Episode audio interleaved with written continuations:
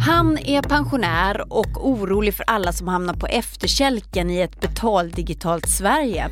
Och hon är under 30 och jobbar med kryptovalutor och blockchain. Men ändå så drar de samma slutsats. Kontanterna måste finnas kvar. Så varför är kontanter så hett just nu?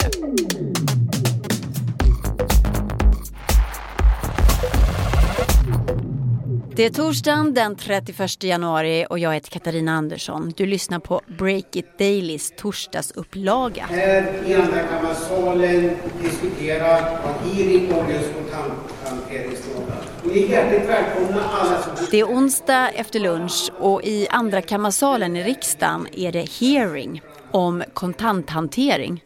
På första raden sitter Björn Eriksson som står bakom kontantuppropet. En protest mot det kontantlösa Sverige. Bakåtsträvare och teknikvägrare har de kallats. Men Björn Eriksson känner att hans upprop har vind i segern nu. Det kommer att sluta med lagstiftning. Nu är ju första steget att man är överens mellan alla partier från Sverigedemokrater över till vänstern att lagstifta om utbudet av kontanter.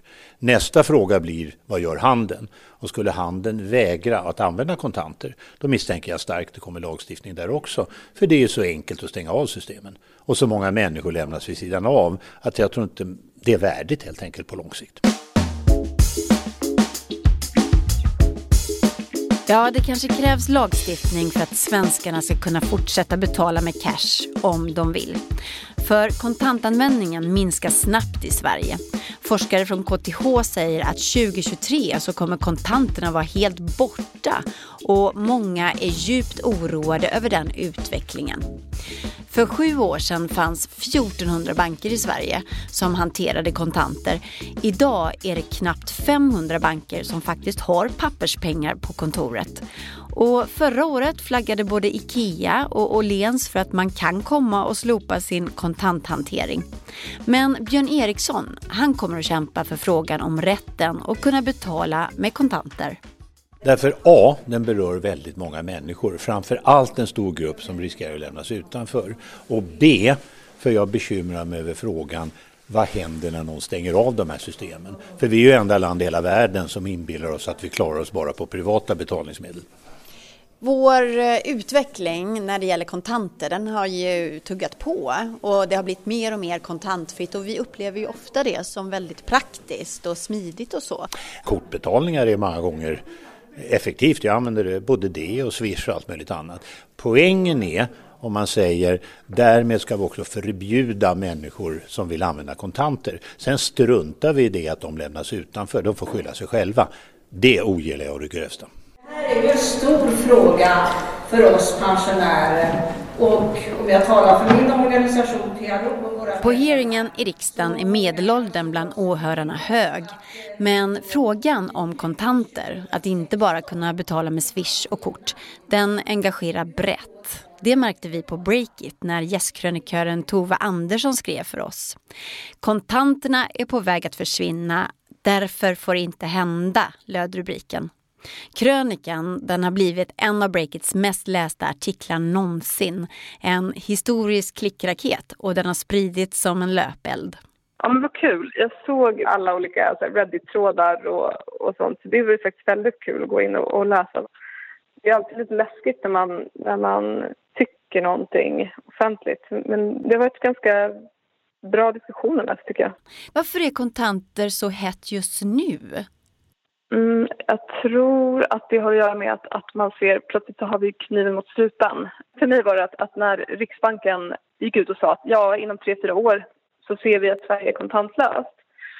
Och eh, att, att ta bort kontanter, det är en väldigt stor omställning som förtjänar en, en ordentlig diskussion och debatt, tycker jag. Mm.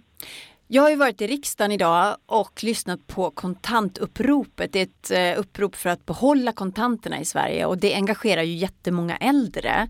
Och de känner oro för digitala betalsystem som de inte behärskar då. Och du kommer från ett helt annat håll. Du sysslar ju med mm. det som är som mest digitalt kan man säga, alltså blockchain och kryptovalutor. Så ändå så möts ni i eh, samma slutsats. Alltså se till att kontanterna finns kvar. Hur ser du på det?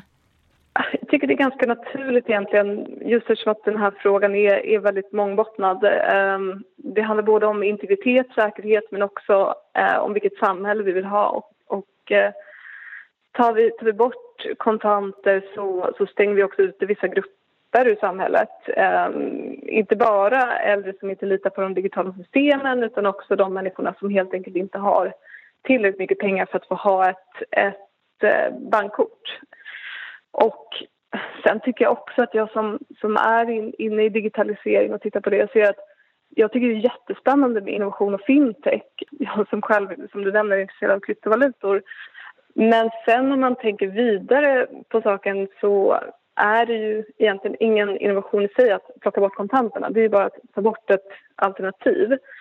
Och sen också det här med att man, om man tar bort kontanterna så lämnar man över ganska mycket kontroll över sin personliga data till eh, privata aktörer eller staten och då ger man ju också dem makten att göra lite vad de vill med den här datan. Så att man har, ingen, man har inget möjligt alternativ eh, att gå över till om de skulle missbruka den datan.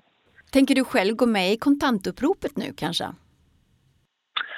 Eh, ja, kanske det. Jag, jag ska bekanta mig med dem och, och lära mig lite mer om eh, exakt vad de, vad de slåss för och strider för men, men i, i grunden så tycker jag att det låter som att vi ja, slåss för den här frågan. Liksom. Så.